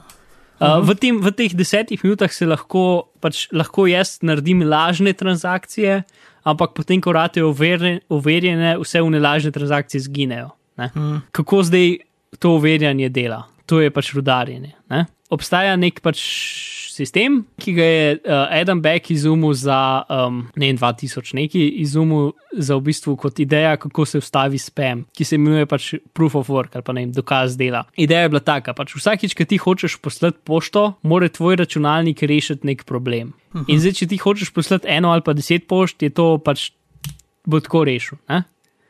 Mhm. Če pa hočeš poslati 10 milijonov pošt, potem pa boš mogel neko resno pač računalniško moč v to usmeriti. To, to je pač ta ideja. Mhm. In za, pač za overjanje blok se naredi s tem, da se reši nek matematični problem, reši se hash. Čakaj, Hashi zdaj- že govorili. Zdaj govorimo ja. o overjanju bloka ali posamezne transakcije. Ja. Um, ok, blok je overjanje, sam, pač, ko so transakcije dane v blok, v Ja. ja. blok so overjene. Mhm. Pač uh, transakcije, tem, okay, pač Čakaj. blockchain se to imenuje. Ja, pač ja? veriga, ja, ker je veriga blokov. Ja, veriga Nekaj še, transakcij. Pač, nekaj še ja. mi se zdi uh, mogoče. Uh, Zdaj smo mo- malo vrnili nazaj, ampak ima zelo povezano s tem. Mi smo rekli, da bitcoina samega po sebi ni, je samo informacija, da ti nekaj imaš. In Ja. zdaj, uh, tisti moj javen ključ pove, ta denarnica ima toliko bitcoinov noter. In Mhm. jaz zdaj upravim transakcijo, ki je podpisana uh, z mojim privatnim ključem, je res? Ja. In to, recimo, tebi pošljem to, in ti jo podpišeš z svojim uh, javnim ključem. Mm, ja, če Skriješ. bom povedal. Zato bomo dali link do enega, škoda, ki ti tega še nisem dal do zdaj, pa tudi ga ni tle v zapis, ki ga moram še dodati. Pač link do ene infografike, ki gre korak za korakom, kako to dela. Uh -huh. A, ker je, nažalost, je to v glasu zelo težko razložiti, da se razume. Aha, Okay. Ugla, ampak kje o tem? Pač bitcoini so narejeni, ko je blok rešen in, in je pač recimo originalno bilo 50 kovancev danih rudarjev. Ne? To je ta, uh -huh. pač ta, prv, ta prvič se naredijo in od takrat naprej je veriga transakcij iz ene osebe do druge do naslednje, ki se, ki raztez, ki se razteza čez čas od takrat, ko so bili ti bitcoini narejeni do zdaj. uh -huh. Torej, vsaka, vsaka nova transakcija je vezana na prejšnjo. Zato je tako velika ta, ta blok, veriga Ja. bloka Ja, 25 z- gigabajtov. ja, točno to. Ne? Ker so pač notor so vse transakcije in, in jih ti lahko pač, zato je, da je ta zadnja, ta, pač da veš, da je ta zadnja transakcija prva, moraš to veriti vse za nazaj. In to vsakič znova, vsakih 10 minut. V bistvu pač, on si shrani, pač trenutno, pač shrani si, kaj ve do zdaj in potem samo dodaja. ne. Mhm. Ta prvič pa ja, pač. Ko ta prvič to nalagaš, bo računalnik mlev nekaj časa. Ne samo, da bo vsa internet porabil, bo tudi mlev nekaj časa. Mhm. Pač to vsi, procent, vsi procesori na 100%. Vidite, Mhm. Spet, če imaš ta poven klient, ki je pač ni tako zelo, pač je bolj gigovski, kot uh, uporabniški. Ne, Ja, ki omogoča rudarjenje, kar si rekel. ne, ne, omogo- pač ne, originalno, originalno je omogočil rudarjenje, zdaj Ja. ga ne več, Ja, ki tako nima smisla, ampak. ker nima smisla. Ja. Torej, vsake deset minut se naredi ta nov blok, kjer rudar reši ta hash problem, ki ga lahko reši samo tako, da vrže pač ob, nje, ob ta problem. Pač hash smo rekli, da je enostranska enačba. Hm. In v bistvu sistem reče, um, najdi mi hash, ki ima, ki ima neko karakteristiko, recimo tri nule na začetku. In zdaj računalnik. Edini način, da najde hash s tremi nulami na začetku, je, da pač hasha en kup različnih naključnih podatkov, dokler ne najde enega hasha, ki ima tri nule na začetku. Torej, edini način je, da brute force problem. Ne?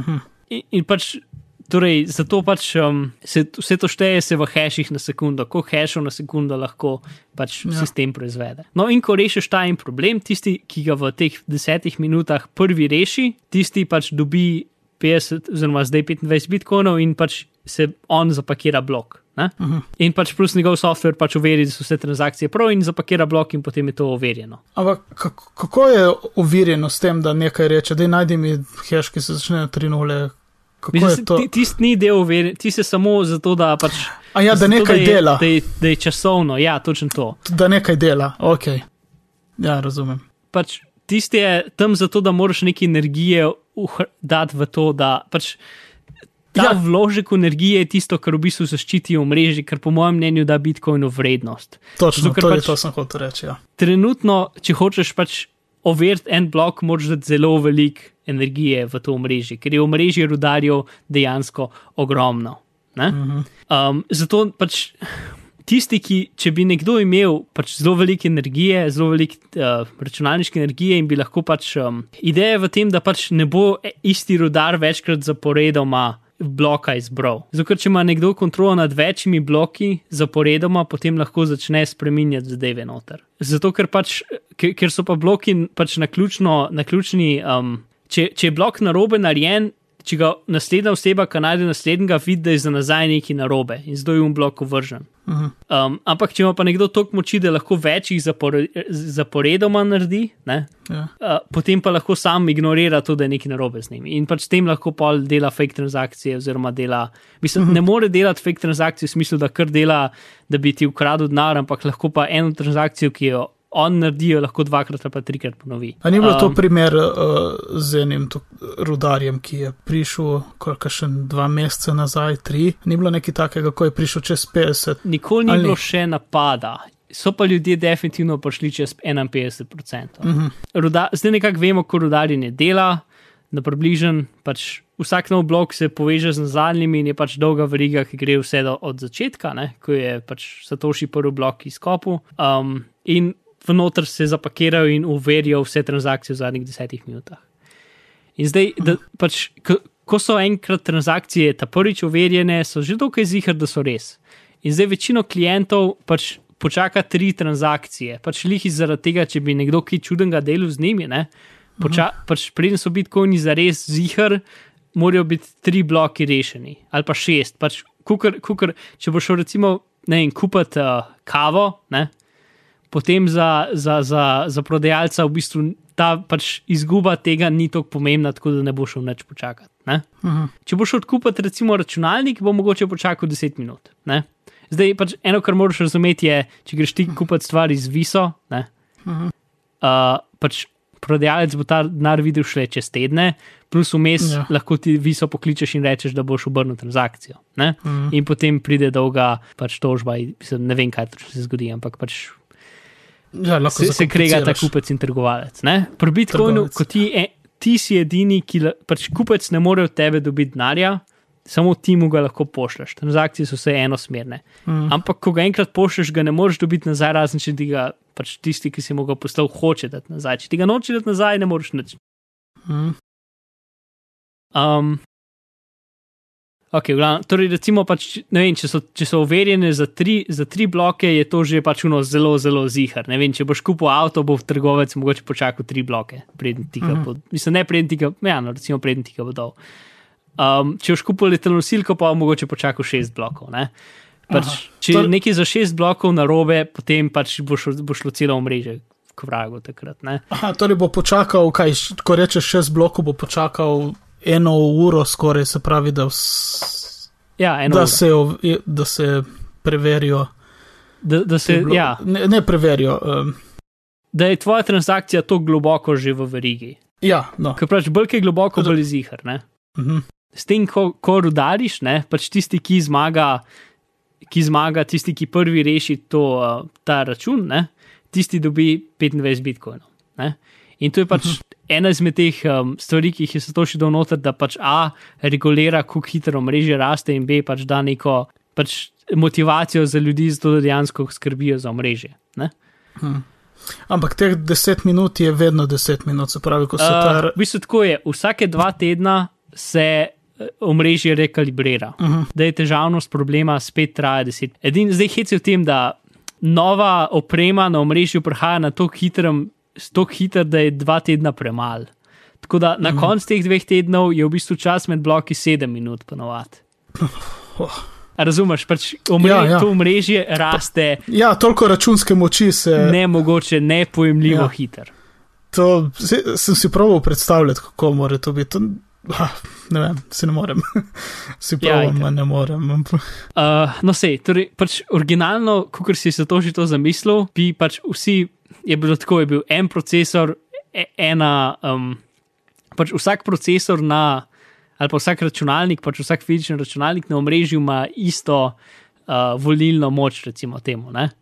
Ja, sej, smo, vsak je imel možnost to početi, zdaj nima To, več. to, je bila, to je bila ideja originalno. Ne? Zdaj pač.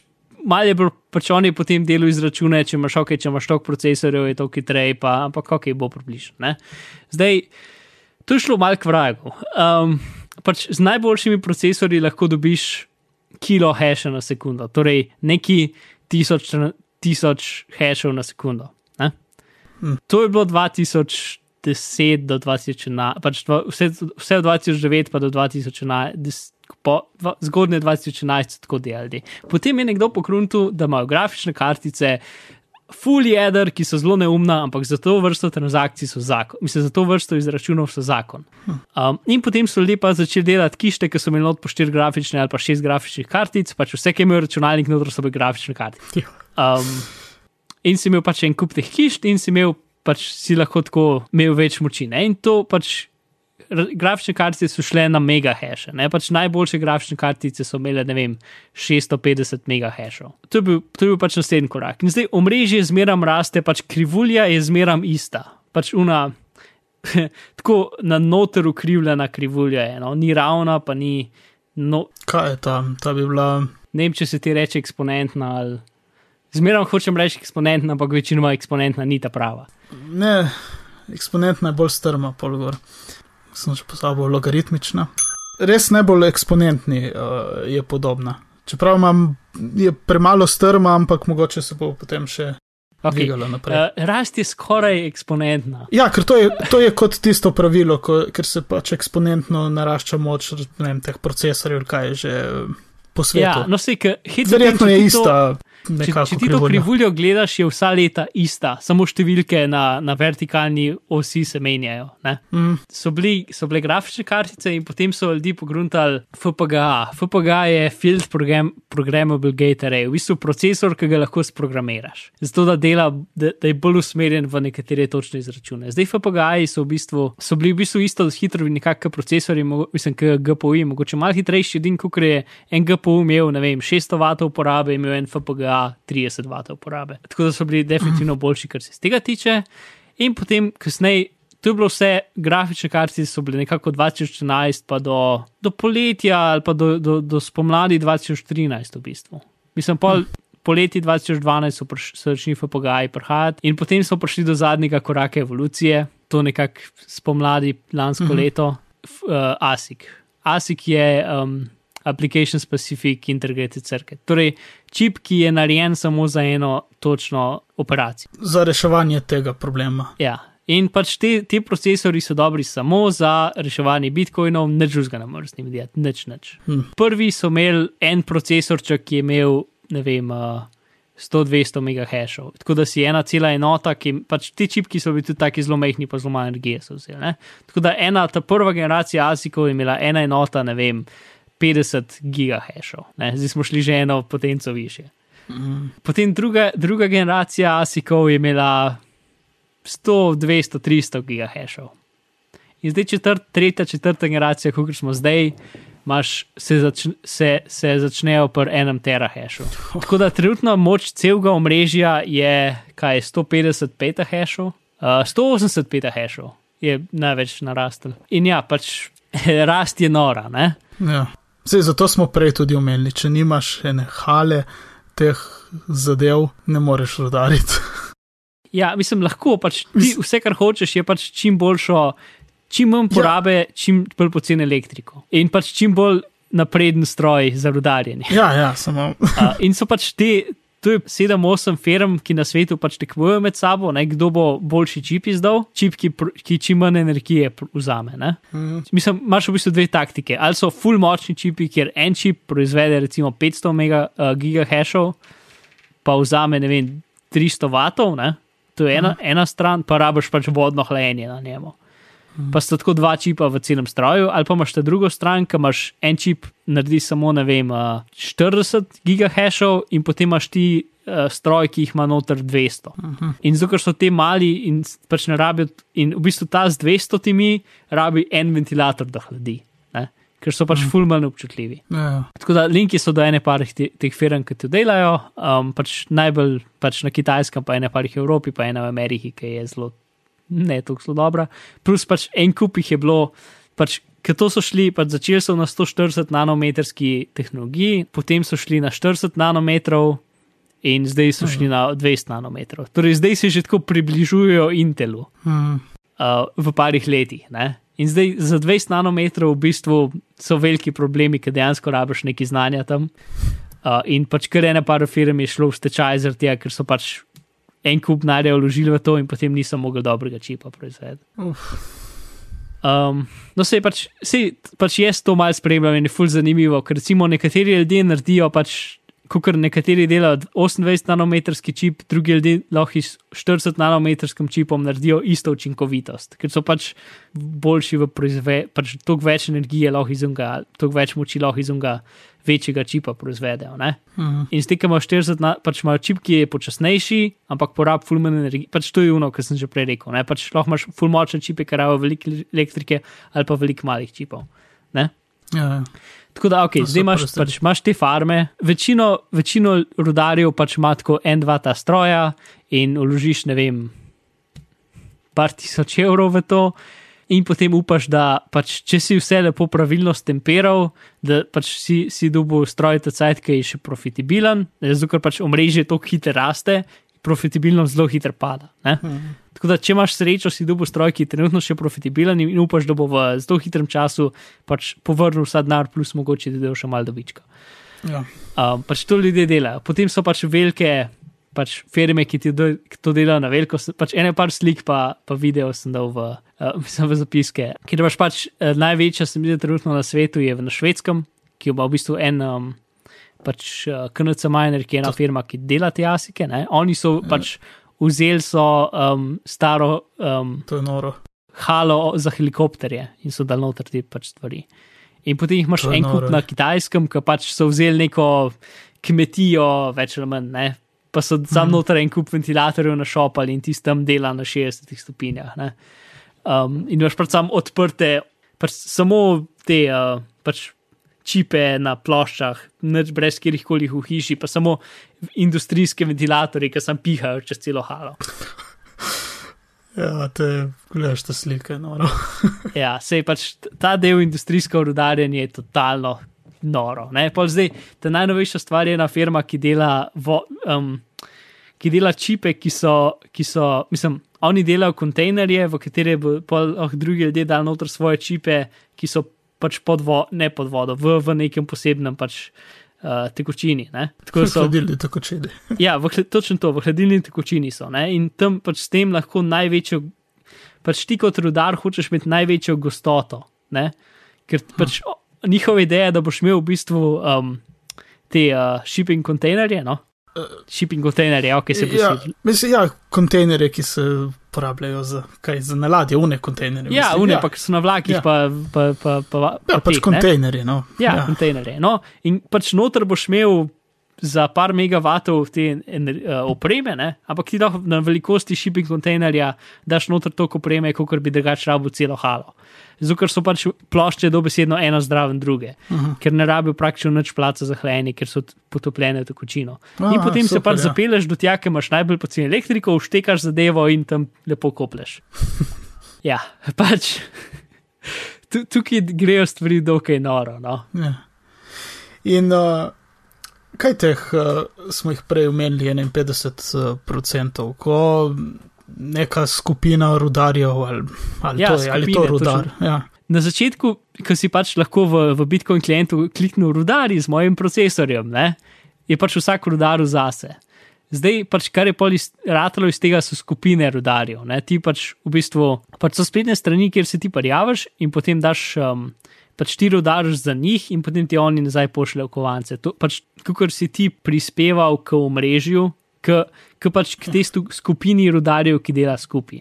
Ja, toliko dobiš potem vrednosti. Ko... Ja, zdaj pač ja. jih je ene parte, največji je CX.io. Uh, oni, ma, oni so bili tisti, ki so prišli do 50% uh, zaradi večjih razlogov, ker pač eno, oni ponujajo hosta na rudarjenju, v smislu, da oni imajo pač eno halo s temi rudarji in potem ti lahko na njihovi strani kupaš, najameš rudarje. Zato, da delajo zate, da ti ni treba imeti nič doma. Zdaj, ker to sem hotel vprašati, te, te hale, ko so, torej, to so, bom rekel tako, posamezniki, to je en rudar ali so to. Uh, Ampak je različno. Sem... Pač, Kikšne so firme, ki, ki pač rentajo svoje stroje različnim uh mhm. -huh. ljudem, ki se jim to ne da doma delati, kikšne so pač posamezniki ali pa skupine posameznikov, ki pač naredijo to veliko farmo, pač kukarkej. Ja, ja, ja, različno. Ja. Uh, zelo, zelo različno. Um, v glavnem, in pač oni so eni izmed teh, ki imajo farmo in orientirajo, plus pol so svoj ta. Um, To infrastrukturo, ki so niso pač odprli za druge, in pač njihova stran je najlepša od vseh,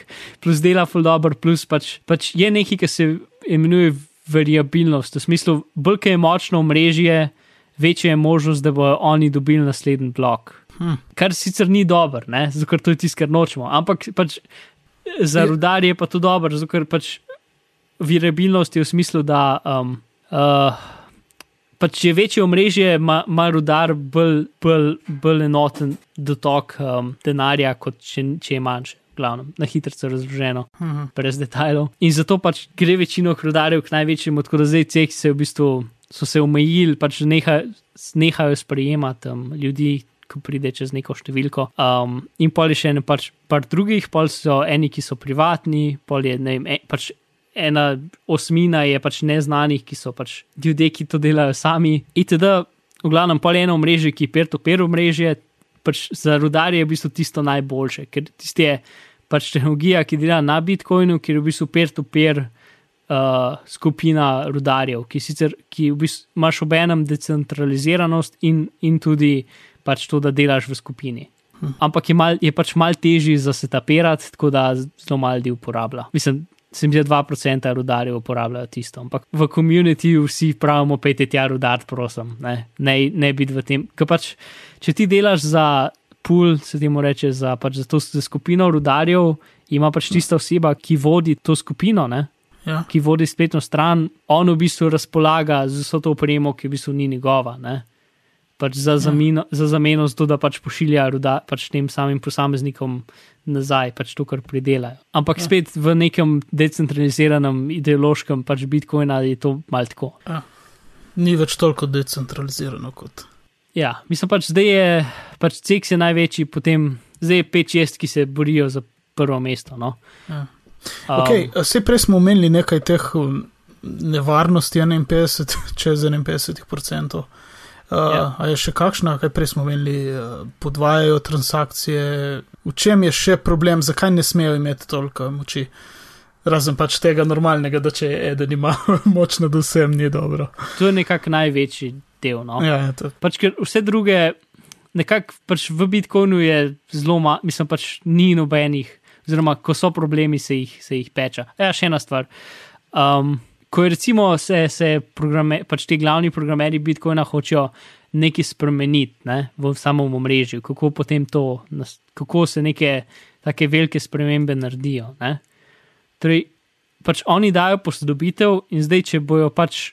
Um, Če ljudje inštalirajo to posodobitev, potem, če bo več kot 50% omrežja imelo inštalirano posodobitev, se bo omrežje prekonvertiralo na novejšo varianto, če ne bo imelo več kot 50%, potem se ne bo.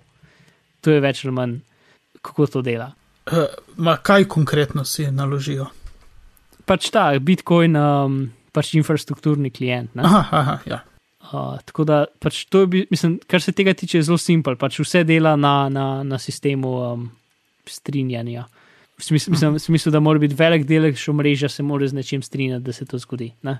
Torej, pač programeri Bitcoina ne morejo zdaj reči, ok, rekli smo 21 milijonov, ne, ne, ne, ne, ne da imamo 360 milijonov. Ne? Ja, Ne Oni da lahko to posodobitev ven, ampak če noben ne uporabi, pač niso nič naredili. Ja, ja, kot da ne bi. Um, Kar je ok, po moje. To je, Tako. ja, to je to, razmišljam, če smo, se mi zdi, da smo šli čez, ja. Upam, da je bilo relativno razumljivo.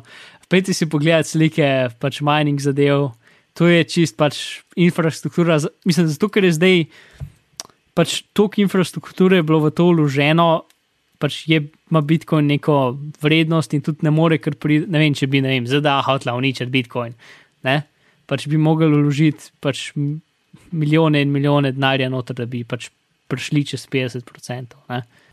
Da bi lahko imeli sploh kakšen vpliv, da se to Ja. dogaja. Okay, zdaj, To, že ki a, si omenil, mm. pač uničiti uh, uh, Bitcoin, uh, so pa, ker zelo to itak tudi verjetno se bomo, je tudi nekaj vprašanj in tako, ampak tudi mene zanima. Uh, recimo, da pač neke države v zakonju ne, to ni, plačil, ni uh, dovoljeno plačilno sredstvo ali plačilen način. Uh, to je neka resna grožnja Bitcoinu, poleg tega, s- da je sam sebi, ker se še ni dobro vzpostavil, ni dobro pognal korenin. Ja, mislim, definitivno je pač eh, grožnja temu, da bo uh, ko bi rekel, javno uporaben. Ne? Ja, mislim, hoče reči, spon, uh, ki se je rekel, uničiti Bitcoin, pač ne rabi v, v, notri neke velike milijone vnest, pač enostavno ja, se ga prepove, mislim, pač oziroma ga v, ne omogoči. Ja, kot... mislim, v takem primeru bi bil pač sivi črn trg. Mm. Uh, mislim, samo v mreži bi še zmeraj delal, samo pač ne bi mogel iti kar na spletno stran pa jih kupiti. Ne ja, bi mogel iti preko Tora na spletno stran pa jih kupiti. Ja, ja, mislim. Uh, to, ja, ok, zdaj da, da to ta, pač še ena stvar, da blow a mind, zdaj minde vseh ljudi. Ne? Pač, torej, mm. Bitcoin je odprtokoden program. Ne? Jaz lahko komod copy-pastam Bitcoin, pa rečem, to je zdaj Mark Coin. Ne? In če mhm. ga ljudje uporabljajo, bo pač še ena kriptovaluta nastala. Tako da pač Bitcoin je tiste, ki najbolj znajo, pa največji, ampak dejansko obstaja tisoče kriptovalut. Mm. Um, pač druga največja je Litecoin, ker je v bistvu pač, uh, nekdo vzel pač idejo, mal spremenil sistem za rudarjenje, ni SHA, pač ta SHA 256 sistem, ampak je skript sistem, ki je bolj odporen na pač ideja je bila to, da bo odporen na asike, pa na te zadeve, da bo delal samo na CPO-jih. Uh -huh. uh, s tem, da par mesecev nazaj so prišli asiki. Tako da ja, pač nič se ne da optimizirati, mislim, vse, vse načine izračunavanja se da optimizirati. Hmm. Ampak, glavno, to pa imaš, ne vem, meme coin, kot je recimo Dogecoin, ki je pač nastal kot meme na Redditu in zdaj ima neko vrednost. in pač tisoče teh pač drugih kojnov. In pač razno razni poskusi, ne vem, naš kojn se da totalno programirati, kar je tiste, recimo, dokaj zanimivo. Pač naš sistem iskanja, mislim pač hashanje, v bistvu je iskanje praštevil. Mhm. Um, pa pač razno razni, pač razno razni poskusi. Ne? Pač Bitcoin je najstarejši in zato je najbolj pač vreden in najbolj, največ uporabnikov. Ja, pa najbolj razširjen, da lahko kaj. Okay kupiš ali kaj narediš konkretnega z njim. Ja. Verjetno s temi malimi moraš prav iskati. Uh, ja, itak, ja. Uh, kaj lahko ti pač in tudi število ljudi, ki to uporabljajo, spet daje vrednost temu. Ja, točno to. to ja. Si pač jaz zmeram, če lahko zmeram kupujem z Bitcoini, recimo Humble Bundle um, ima Bitcoin možnost. Zdaj Wikipedijo se da podprti z Bitcoini pred, od pred kratkim. Uh, del računalnike preko del.com se da kupiti z, z Bitcoini. Um, pač skozi več uh, stvari uporablja. Pač Shopify, ki je sistem za, za, za, trg, za pač delanje spletnih trgovin, je pred kratkim začel pač podpirati Bitcoin. Mm. Tako da to je milijone spletnih trgovin, ima zdaj to urejeno noter. Ja.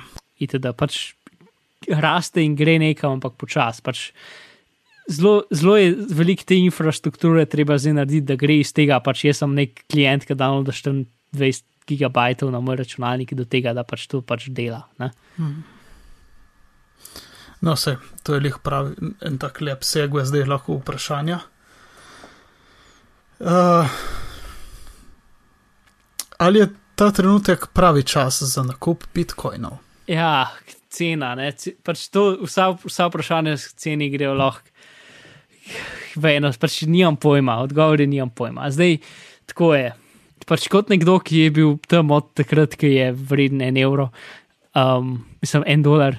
Um, in uh, je od tega, je, je zelo vesel, da je kupil nekaj bitcoinov takrat. Ja, jaz bi bil um, tudi. in potem jih večino prodal, ko je šla cena na 14 evrov. Um, pač Bitcoin je tako zelo počasi raste, potem mediji opazijo, da zač, vsaj večina, večinoma je, je una hitra rast, te um, baloni. Ne? So povezani s tem, da se mislim, da se mediji obrnejo na bitcoin in začnejo skozi več pore, po, pač poročati, in potem, ko mediji skozi več poročajo, je cena gre skozi gor, ker skozi, pač skozi več zanimajo od ljudi in jih kupujejo. Ne? In potem pač to vse pride do nekega nivoja, kjer pač cena preveč zraste, in potem pade dol, ponovadi na polovico pač te najvišje točke, in potem se nekaj cajta pač rekuperira, ne vem, par mesecev pač ostane približno isto, gre mal gor, mal dol, in potem zaradi nekega razloga spet malo začne rasti, potem nekdo v medijih.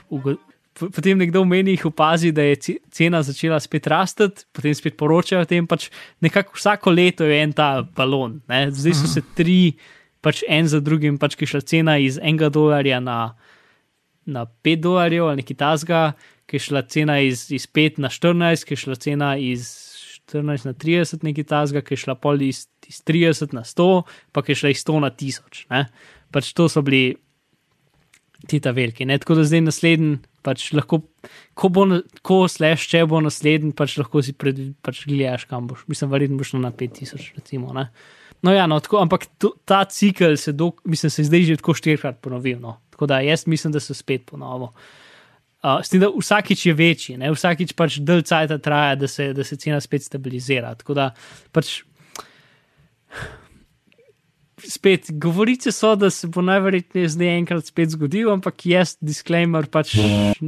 Ja, ni, nisi, nisva finančna svetovalca, tako da to je vse z rezervo. soli. Ja, Uh, to, no, ampak mislim, spet pač cena gre gor in dol cel cajt. Um, gor in dol gre iz, iz pač naključnih razlogov, uh, pač, ker so bitcoini taki, je en kup botov, ki pač gleda ceno in trada, mislim pač, ki, ki pač um, kupuje in prodaja bitcoine čisto avtomatizirano. Ne?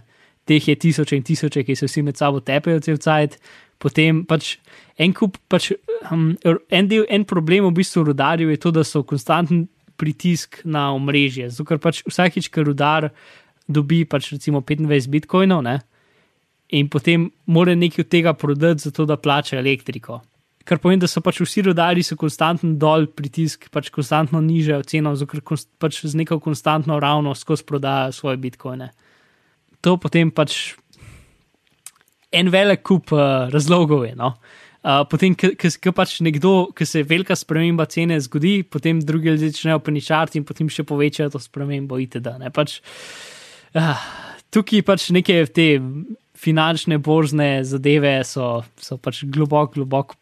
Um, ja. In potem še metul zamahne skrili v Pekingu in res gre vse. no, sej, ker je pač ta sistem totalno pač, um, prosti trg, ne, je pač je zelo kaotičen. Ne.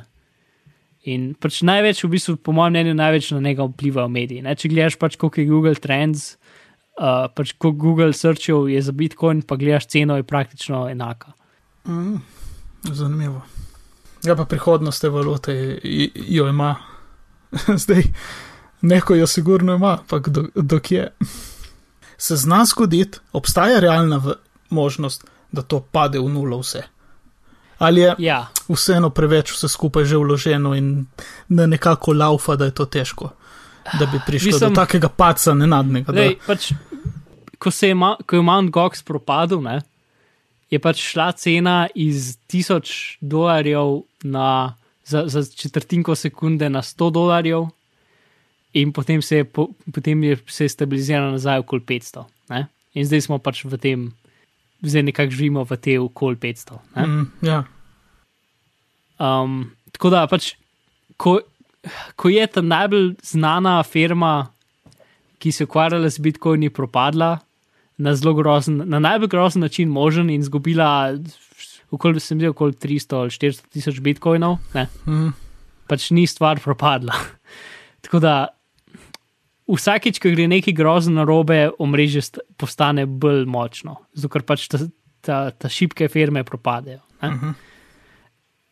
Um, tako da jaz imam občutek, da pač tako je zdaj. Če, trenutno je nekaj milijonov uporabnikov Bitcoina. Če bo to kdajkoli ratala svetovna stvar, bo pač cena mogla biti tisočkrat več, kot je zdaj. Ne? Zato, ker jih je omejeno število. Mm, Zdaj, da bo, da, da bo prišlo do tega, je možnost mehna. Tako da ne znam ti reči, ja ali ne. Jaz sem Ja. pozitiven, ampak uh, pač jaz nikoli ne bi vložil več, kot sem pripravljen izgubiti. bom Tako rekel. mhm. Ja. Sej jaz sem povedal na začetku, da teh stvareh nimam pojma, ampak nekako ta Bitcoin mi deluje, da bi znal živeti, da bi z... nekaj še bilo od tega. Ja, se, mislim, Ker- je en kup pač teh stvari, kot so pač en trg, ki je super za Bitcoin, ne, so pač države z zelo slabimi um, valutami, ne, recimo Ja, ja, Kenija ja. ali pa Kitajska. Mm -hmm. In pač tudi, če, če si nekdo, ki je recimo ima družino ali pa ne vem, na Kitajskem ali pa v Indiji, ki, dru- ki, ki dela recimo nekje v Evropi, ima družino v Indiji, recimo, ne, um, in hočeš pač ti nek denar nazaj poslati svoji družini. Ne, um, Ja. Če to delaš preko, kaj že. Uh, Western Uniona, uh, pač Bulke ali pa PayPal, bulke je boga država, večji so davki, ve, večji so provizije, ki jih oni vzamejo. Uh -huh. Pač to je tako zelo zlobno. Ne? Pač tisti, ki so najbolj redni, tiste se najbolj izkorišča. In pač z Bitcoinom se, več, se pač tega vsega ogneš. Uh Mhm. -huh. uh, tako da za take trge je to zelo zanimiva stvar. Pač, bulke, pač Bitcoin ni ne vem koliko močna valuta, ampak je bolj močna kot ta najslabše valute. Ja, se. Ej, Huh. kako se reče? Čemo zapakirati ali ostalo še kaj? Se mi zdi, da smo, vse drugače bomo pa nadaljevali, pa itek, itek, pač zdaj v Bitcoin postal malo bolj redna stvar na podkastu, če se kaj pametnega zgodilo v tem svetu, ker zdaj vemo približno, o čem govorimo. Meni je še tako za za eno zaključno misel, uh, mi je malo bolj jasno. No, super. Ker sem, sem še m, m, na hitro poslušal še tisto epizodo z Glenom Flashmanom in Gruberjem. Tisto sem danes tako preskočil na hitro še enkrat, ker sem že prej poslušal, pa še danes in. Hej, celo bi mogoče komu, ki zna manj kot jaz, znal razložiti, kaj je to.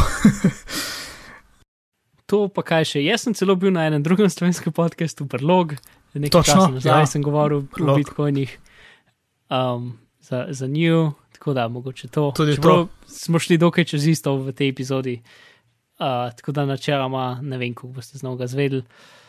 Vse ne, mogoče pa je, moraš večkrat slišati eno in isto To je, v tudi- to je različnih, res. ja. v različnih okoliščinah, ponovljeno, malo No, drugače. sej, pač Bitcoin.org stran je prevedena dosta v slovenščino, drugače imaš tudi bitcoin.si, uh, to pa Mm. wiki, pa vse te zdaj, tako če koga zanima več, je en kup krajev, kjer lahko več zveš, pa tudi spet, če nočeš res vedeti točno, kako tehnično dela, v bistvu ni tako težko razumeti. No.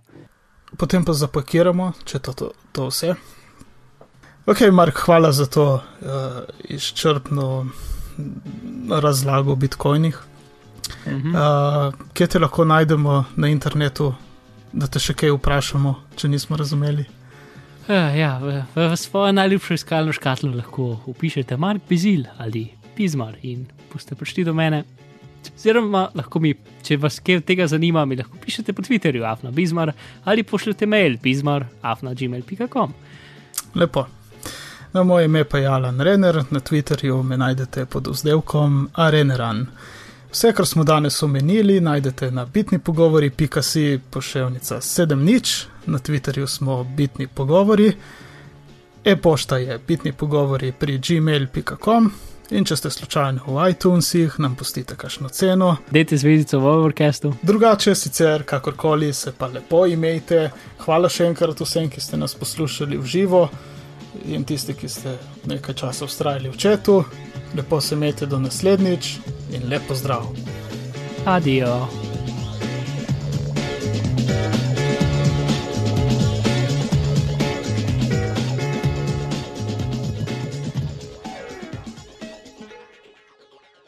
In to, je spet ena rekordna epizoda. Mislim. Ja, se jaz upam, da bom vsaj 20 minut ven zrezal. Ja, čeprav kaj zvem, mogoče pa ne boš imel kaj dosti za rezati. Smo Ja, bomo videli. zdaj se bojezen. Ok, dve uri snemanja. Je to rekord? Ja, se mi zdi, da je. Smo tudi poletno prehiteli.